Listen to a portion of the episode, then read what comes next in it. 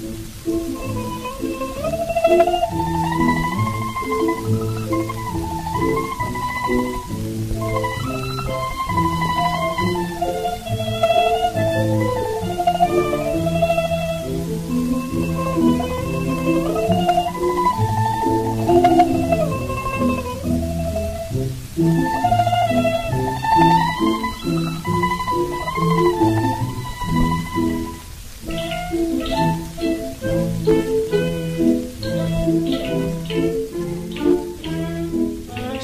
Okkar í dag hefst þar sem henni laug síðast. Það er árið 1062 sem að Minamoton og Yoriyoshi leiðir herlið í norðurhluta Japan upp að kastalavirkinu Kuriyagawa.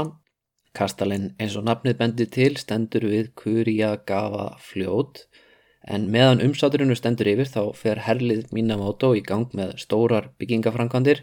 Það reysir stíplu sem breytir farvegi fljótsins og þegar fljótunni hefur verið beint frá kastalanum þá skýtur herliðið logandi örfum í áttað viðar virkisvegjunum og við brennur til kaldra kóla.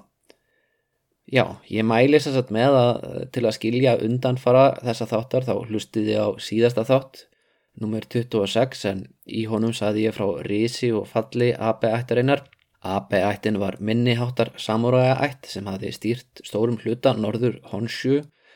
Uh, Honshu er sem sagt stóra eigan, stærsta eigan í japanska eigaklassunum þar sem í rauninni mestöld saga okkar hefur hingað til átt sér stað.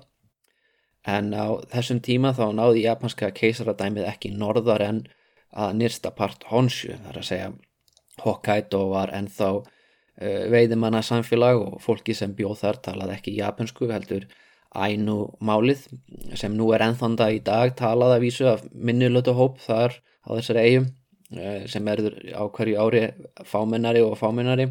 En það eru þetta miklu setna á þessum tímapunkti þá er á þessum tímapunkti þá eru Japanir búinir að, að reyðja burtu frumbygjónum í norður hlutanum og þessi frumbyggjar hafa annarkort aðalagast nýju akuryrkju samfélagi eða flúið til Hokkaido en þetta landnám og þessir herrleiðangrar á heiantímanum voru ágættis leið fyrir minniháttarstríðismenn til að egnast land eða í það minnst að fá einhver völd með því að vera skipaðir sjókonar í norðri.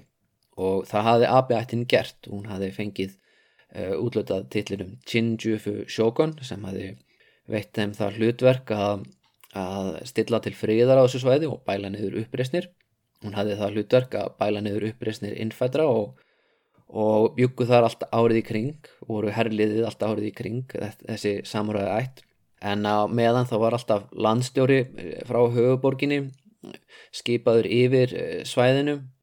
En af því þessi landstjóri var yfirleitt bara skipað til tveggja ára í senn þá voru þeim lítið að skipta sér af hermennunum sem byggu þar árið í kring alla sína æfi og þeir höfðu náttúrulega sem ennbætismenn frá höfuborginni úða lítið vit því hvað var raunverulega að gerast þarna og þannig fekk aðbættin að dapna í tildulega miklu afskipta leysi engin ílendist nóg lengi til þess að skipta sér að þeim og hún naut mikil sjálfstæðis og auðvitað aflaðum sér einhver að tekna með þessu móti með því að, að, að skatleggja eina innföttu mjög algengt á heian tímanum og þú skatleggur í nafni keisarans og svo sendur þú einhvern smá pening söður á bógin en þú heldur kannski meiri hlutunum og uh, þetta fyrirkomulag bara viðgengst í alveg nokkur hundru ár þanga til gull og kopar uppgötaðist í fjöllunum.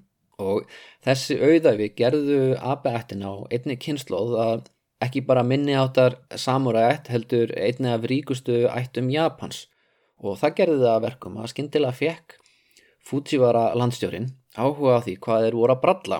Og það endaði á því að útsendarar frá hyrðinni eða öllu heldur útsendarar Fujiwara ættarinnar mættu á svæðið. Og það er Minamoto no Yoriyoshi og sonur hans Yoshie sem kemur þarna bara á úlingsaldri með föðu sínum og fer að berjast við þá. Og þannig í rauninni endaði síðasti þáttur en endaði á því að Minamoto no Yoshie var orðin fullorðin maður af því að hann er alltaf í 12 ár að berjast. Og Kiyohara ættin sem er uh, nánir bandamenn Fujiwara ættarinnar Hún enda með yfirumsjón yfir þeim landsæðum sem AB-ættin hafði áður haft. En sögunni líkur þó ekki þar. Okkar sagði í dag hún hest á því þar sem Minamoto Yoriyoshi hann stendur í kulnandi brunarústum síðasta víis AB-ættarinnar og hann heggur höfuðið af einum samuræja sem hafi barist með aðbættinni. Síðan lítur hann í áttina að sinni þessa manns, sjóra dreng sem stendur til þess að afhafða einnig. Sem er alls ekki óvinnilegt á þessum tíma. Konfúsianismin er allsráðandi og hann bóðar hlýðinni við forfeyður og foreldra. Og þó svo að Konfúsius gamli hann bóði hlýðinni gagvart yfirvöldum og að menn haldi friðin þá gerir hann á því eina undantekningu. Alveg eins og sinni ber að hlýða föður og þegn ber að hlýða keisara þá ber sonurinn einnig heila skildu til þess að hefna föðu síns. Og svo skilda hún trompar meiri segja hlýðinni hans við keisaran þannig að, að Jóri Jósi hann veit alveg að þessi sjóra drengur ef hann leifur honum að vaks úr grasi það var mjög líklegt að hann aðna daginn banki upp á. Og ef maður vill eh, geta átt róleg efri ár í friði þá verður maður að gera svo vel að já, taka höfuðið af e, börnum anstæðinga sína, ekki bara anstæðingum sínum, það er ekki nóg, þú verður að drepa sínina líka. En augljóslega, fyrst ég byrjaði þáttin á að ræða þennan dreng, þá á hann sennilega eftir að lifa aðeins lengur en þessi sjór, þetta væri nú ekki mikil saga ef, ef svo væri. Og nefnilega í lok þessa þáttar þá mun hann ekki bara vera búin að e, endurhenda lönd forfæðra sinna, hann verður búin að stopna borg sem á eftir að keppa við sjálfa höfuborgina í stærð, en Þessi drengur, hann er þekktur í sögun undir nafninu Fujiwara no Kiyohira. Og ég get skilja að þetta sé svolítið ruglingslegt. Uh, hann heitir Fujiwara og þetta er nafn sem ég er sífælt að tönglast á í þessu hlaðvarpi að því að annar hver kall og önnur hver kona vilist hafa þetta ættanabn sem fornabn en um, hann er þó ekki skildur, tja allavega ekki náskildur uh, ríkistjórunum og ráþurunum sem seguðu herliðinu á aðbættina Hann er afkomandi manns sem ég hef nefnt áður í hlaðverfinu, það er hann Fujiwara no Hidesato og við skulum lega okkur smá upprýfun og smá út úr dúraður og við höldum áfram með söguna. Í þættunum fyrsti samuræin þá saði ég frá misefnaðri uppreist Taira no Masakato. Masakato var afkomandi arflausara prinsa sem hefðu farið norður á bógin til að ræna landið af frumbyggjum en þeir hefðu stoppað talsvert sunnar heldur en forfiður aðbættarinnar, þeir hefðu stoppað á kantóslettinu þar sem Nún í dag er Ísa skíakljúar Tókjó. Uppreysnina sem Asakato endaði með því að hann misti höfuðið. Það var tekið í höfuborkina en svo flöguð aftur heim og reyndi að lenda á Narita flugvellunum, norðan norðan Tókjó segi ég, ef eitthvað er að marka góðsuguna um hann. En uh, sá sem sigraði hann Masakato, það var uh, bókskítan Fujiwara no Hidesato og hann var svo frægur fyrir bókfemi sína að Masakato hafi fjölmarga hermenn klætta í sambarilega brinni og hann sjálfan.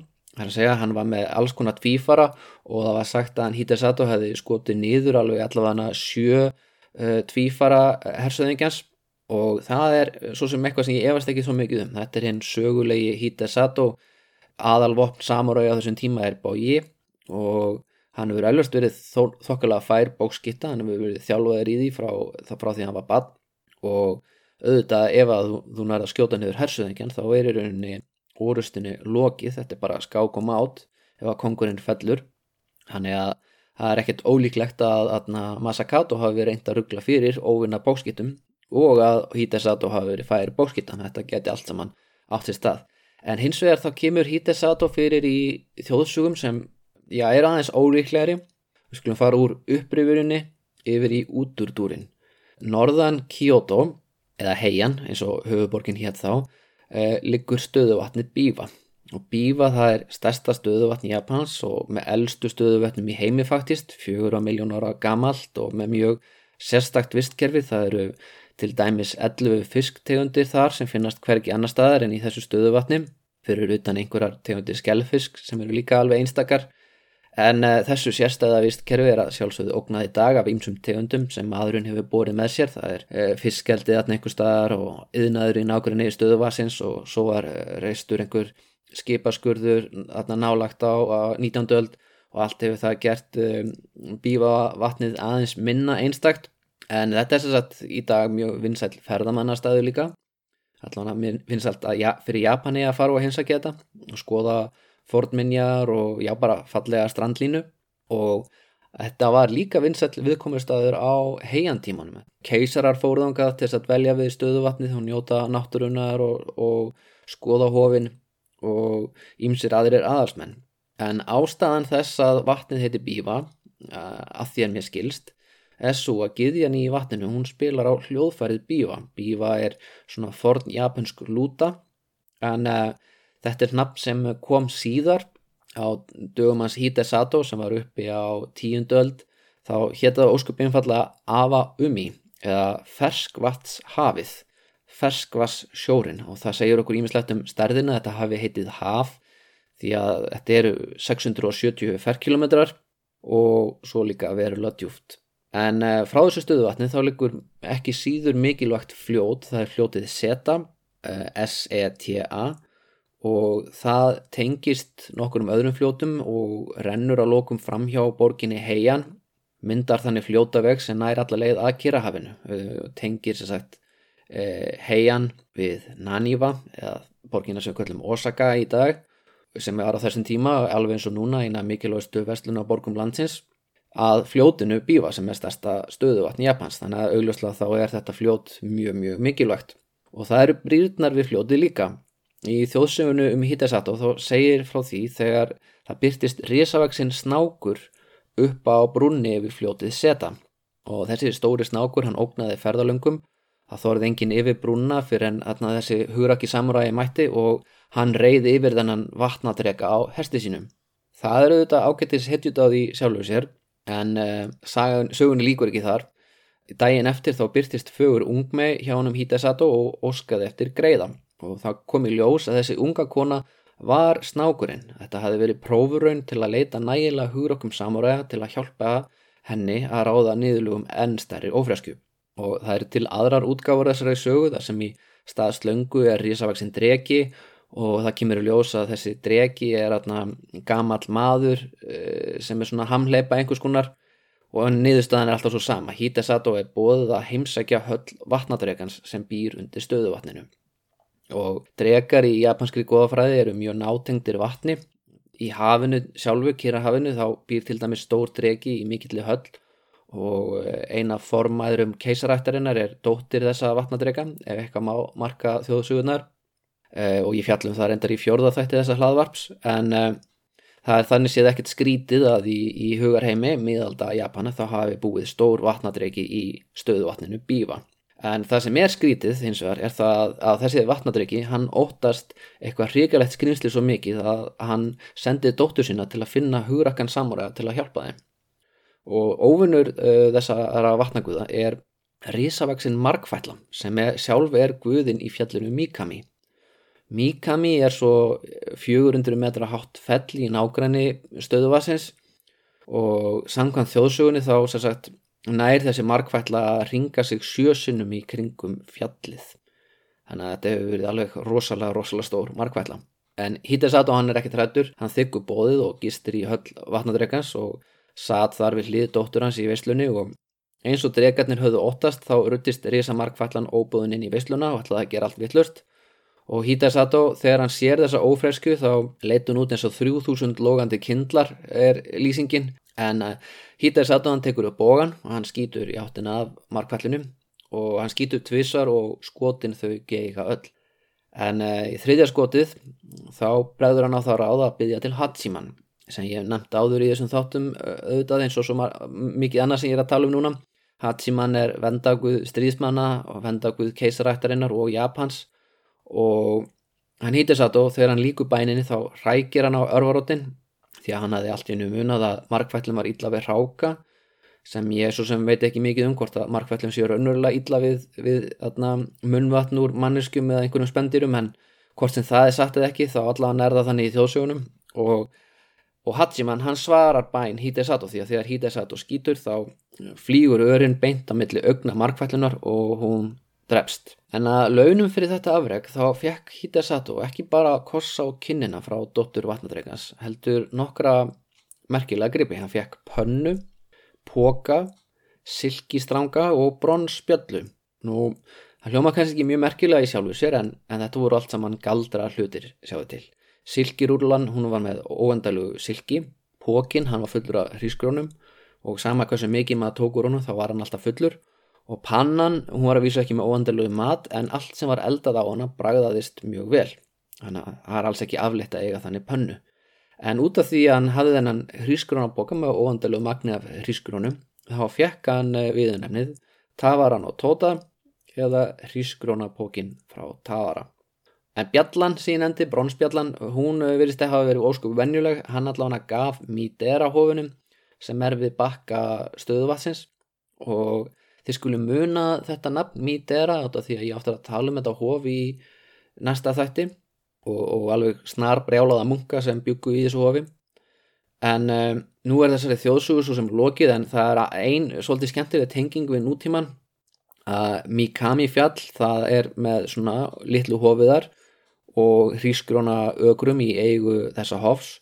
Og þarna e, keisaraættin þegar hún sett upp uh, Hallargarð í, í Tókjó þegar hún fluttið þangað þá tókum við sér hrísgrón frá þessu hofi í Mikami og þann 23. november á hverju ári þá er haldinn verkaðlýstagurinn eða svona kannski mætti því það sem þakkargjörðarháttið verkaðlýsins Kinro Kansha no Hi sem er almennu frídagur og, og svo sem bara veraldlegur nema hvað, keisarættin hún heldur upp á þetta með hátíð sem vísar í gamla uppskýruhátíð Nina með Sæ og þá eru nótuð þrýskrónin sem vaksi þessum hallagarði.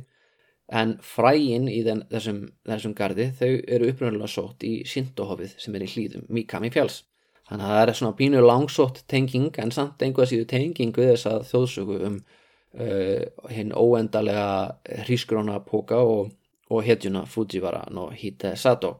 Og þar með auðvitað, þú veist, þarna markfælluna stóru og vatnadreikana. En uh, við skulum snú okkur úr þjóðsögunni og fara aftur í veruleikan. Fujiwara no Hite Sato, hann var skildur eh, ríkistjóranum og ráþörunum eh, sem báru sama ættanafn og hann. Hann var hérna, já, bara svona nokkuð náskildur þeim. Uh, en hann var augljóslega ekki ekki einn af þeim ríkustu uh, að vera svona samuræi, að vera stríðsmaður. Það var yfirleitt hlutskipti yngri bræðira sem ekki fengu að erfa ennbætti eða erfa stóra landaregnir og þurftu svona að vinna meira fyrir sér.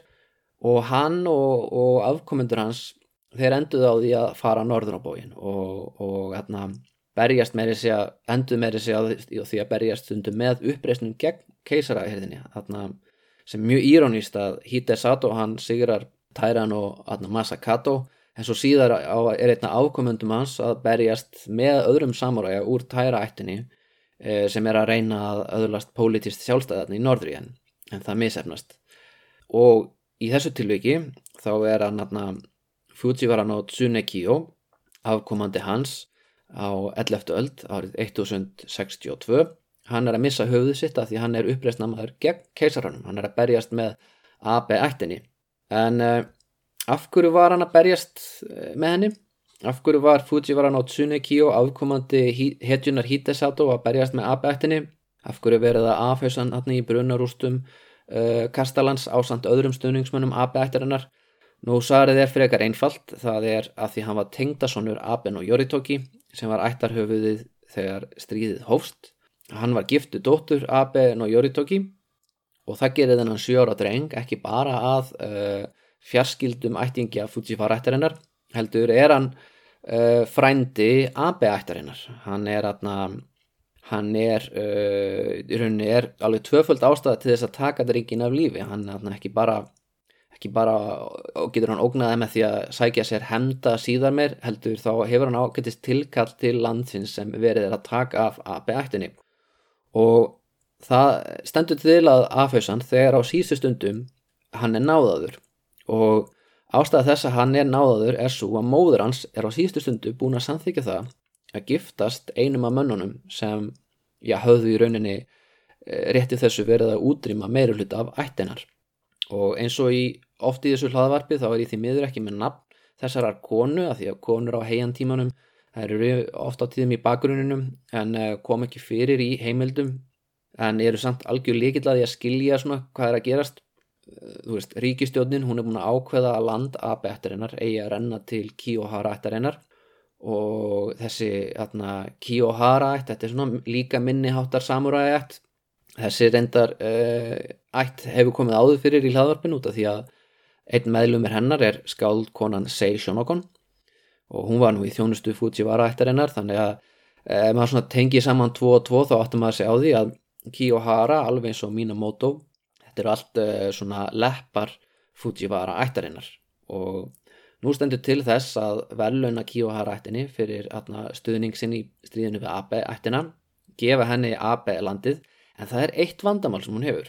Hún er með rétt að stimpla á skjölunum frá höfuborginni en málið það að þessi pappísblögg þau þýð ekki mikið fyrir bændur og stríðismenn sem búa þarna í norðri.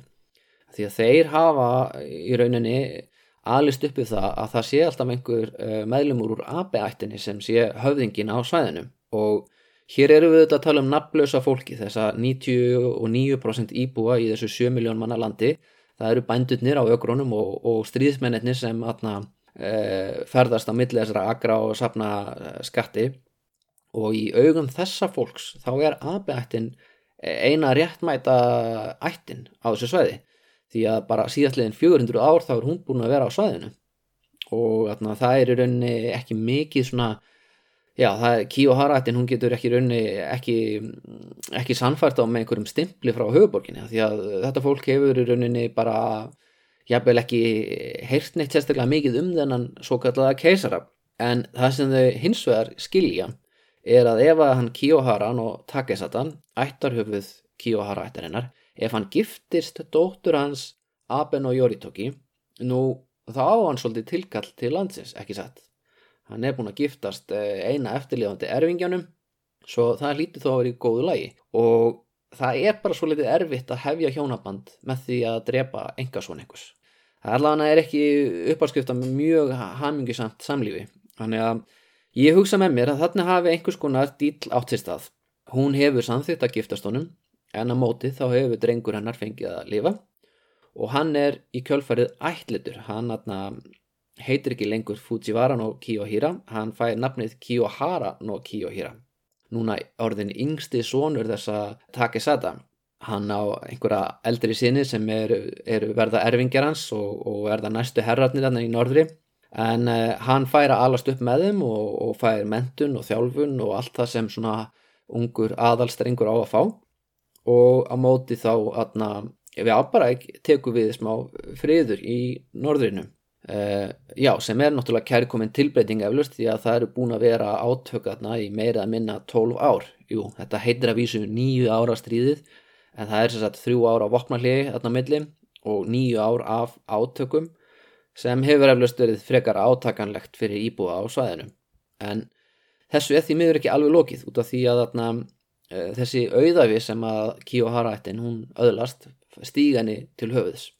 Ekki þannig hún gerir uppreist gegn Fujiwara-ættinni eða uppreist gegn keisarunum eða eitthvað svo leiðis málið bara það að þegar hann takir satt að deyr verða ættinginans ekki sammálu um hvernig þeir ætla að skipta með sér auðunum þannig að sinir hans og bræður hans fara að berjast um hver verði næsta ættarhöfuð og þar með þess þryggjára stríðið sem er að líka með þryggjára vopnarlið þannig að þetta eru sex ára tímabil þar sem fólk er að berjast og aftur þá blandast Minamoto ættin inn út af því að Minamoto og Yoriyoshi er á þessum tíma látin árið er 1083 en uh, Minamoto og Yoshi, sonur hans hann er með titilinn Shinjufu Shogun hann er, hefur það hlutverk að viðhalda friði í norðri.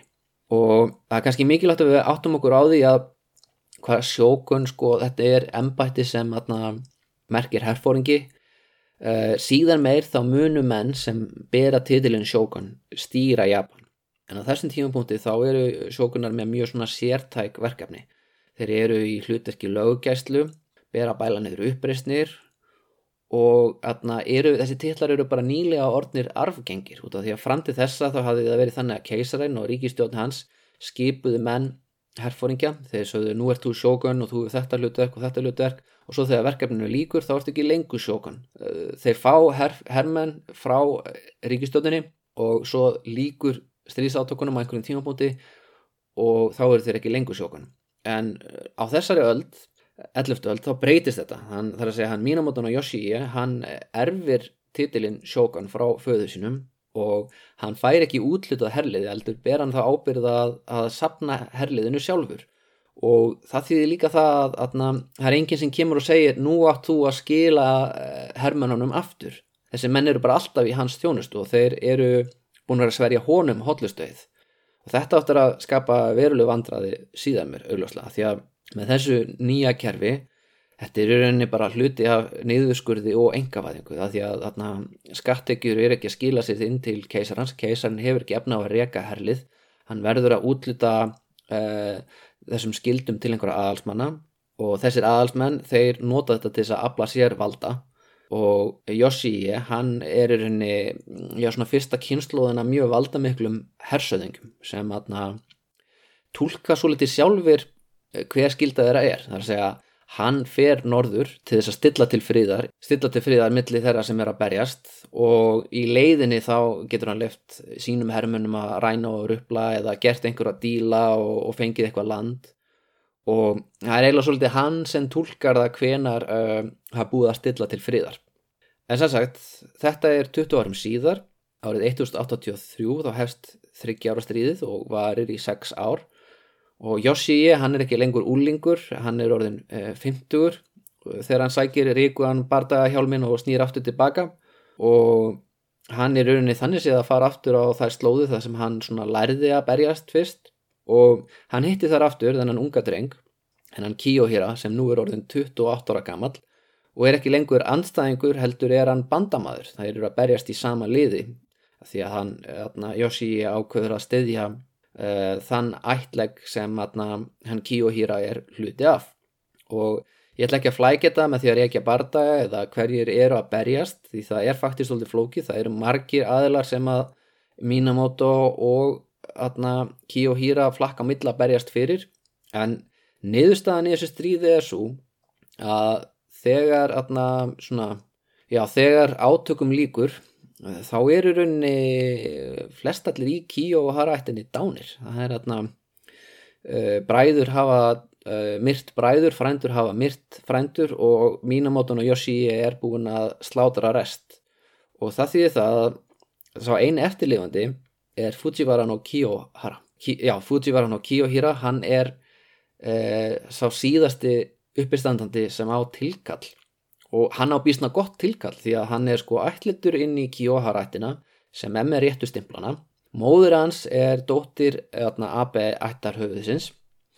Að hann hefur líka ættalínuna og svo er nafnið, fornafnið sem hann tekur upp aftur Fujiwara, það þykir afskaplega göfugt, þannig að hann er í rauninni með uh, frekar gott svona kombo þarna í gangi. Og Á endanum þá atna, fer hann mínumótanu og Yoshi Surabóin, æfi hans enda þannig að hann fær mikilvæga stöðu við hyrðina, er þarna eitthvað í lífvarðaliði keisarans og Fujiwara no Kiyo hýra, hann er á þessum tíum hóti þrítur og er orðin uh, valdamesti landegandi norðursins sem er bísna vel að sé vikið fyrir mann sem í byrjun þáttarins uh, stóð til að taka af lífi. Og hann er frekar heppin verð ég að segja út af því að sko á þessum tíma þá er hyrðin mjög upptekinn af átökum. Er keisarin og Fujiwara ættin fara í hérna, harðvítu að pólitíska baróttu og inn í það blandast ímsir aðrir aðilar. Og það gerir það verkum að í rauninni er engin að skipta sér af honum hérna, Kiyohira, hann fær að gera uh, það sem honum sínist í, í norður Japan.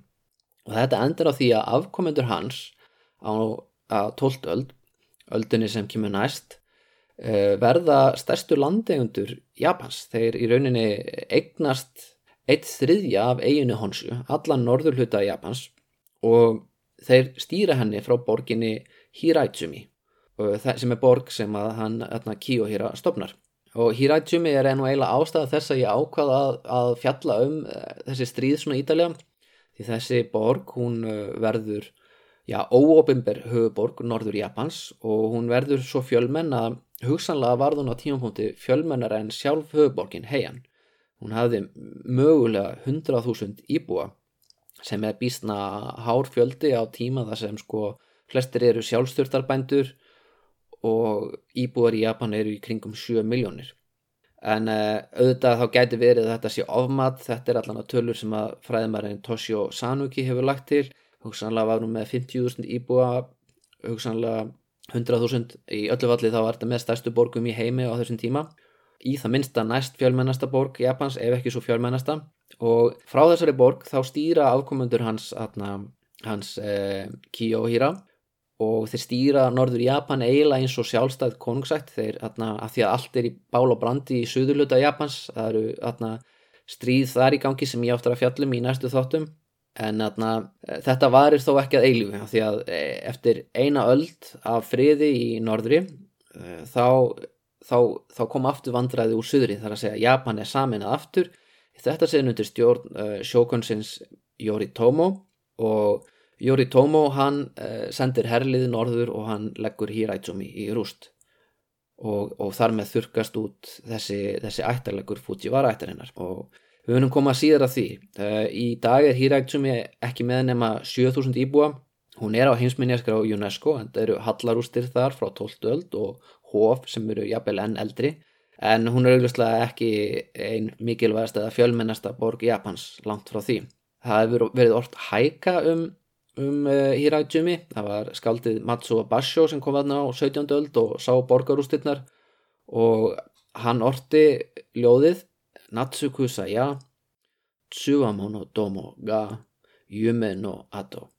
Sumargrasið er allt sem eftir er af draumi stríðismannsins hann sem sagt Basho hann sér í uh, grasinu, grænu sumargrasinu uh, steina liggja á víðádreif og segir já, uh, grasið er það eina sem er eftir af draumi hans Ki en já, við munum eflust heyra meira á honum Basho einhver tíman og, og aðeins meira um þannig að leggfúti var ættarinnar en áður en ég klárum þáttinn þá vil ég fara úr hæku yfir ég að tala um Kabuki. Eh, kabuki verður reyndar ekki til fyrir nokkur möldum síðar.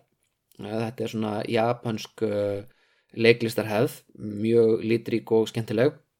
En eitt frægasta kabuki leikritið er leikritið Shibaraku og það byggir svo litið á þessu stríði þessu sexarva stríði. Það er að segja það segir frá yllum uh, höfðingja úr Kiyohara fjölskytunni sem er búin að taka höndum meðlim úr keisara fjölskytunni og, og heldur honum sem gísl og ætla sér að taka þennan prins af lífi fyrir framann eitt af hófunum í Kamakura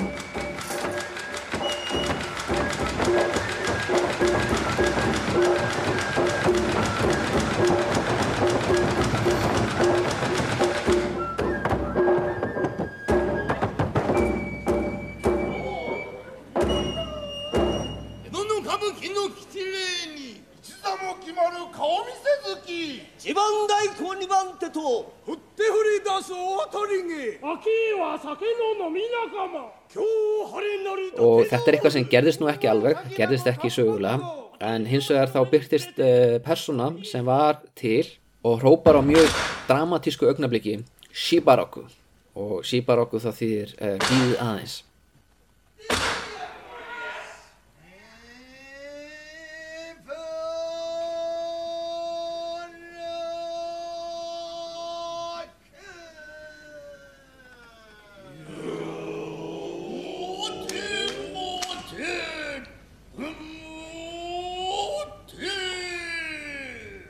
þetta er svona eitt frægasta kabuki leikritið, þetta er svona hasar eins og svo mörg þeirra. Það er sverðabardagi og, og þarna e, samúræjar sem dansa og, og þetta hlutverk hétten í þessu Kamakura, Gongoro Kagemasa er þarna eitt vinsalasta hlutverk í, í þarna kabuki hefðinni.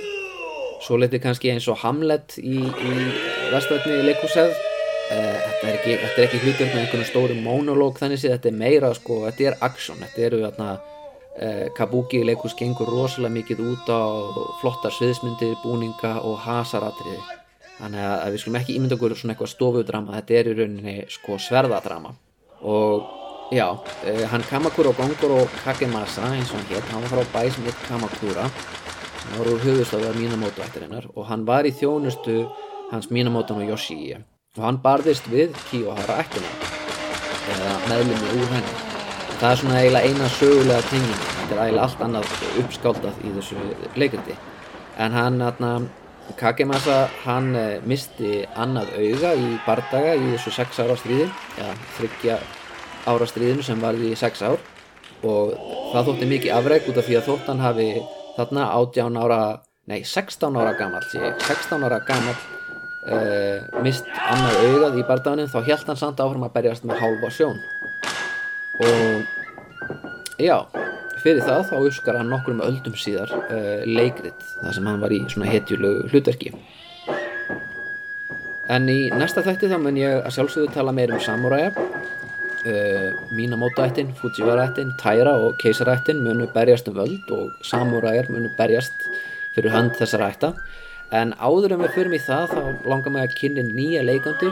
Það eru stríðismunkarnir á Híei fjalli sem verða til umfjöllunar í næsta þætti. Þetta eru mestu vandraðagemlingar heiantímans og já þeir verða til vandraða já næstu aldirnar. En uh, þrátt fyrir uh, kærleiksbóðskap og heilarleika sinn þá letuðu það aldrei aftur sig í því að kveikja í anstæðingum sínum. En eins og alltaf þá vona ég að þetta hafi verið fróðulegt og ef ekki fróðulegt þá allavega pínlítið skemmtilegt. Takk fyrir hlustunina.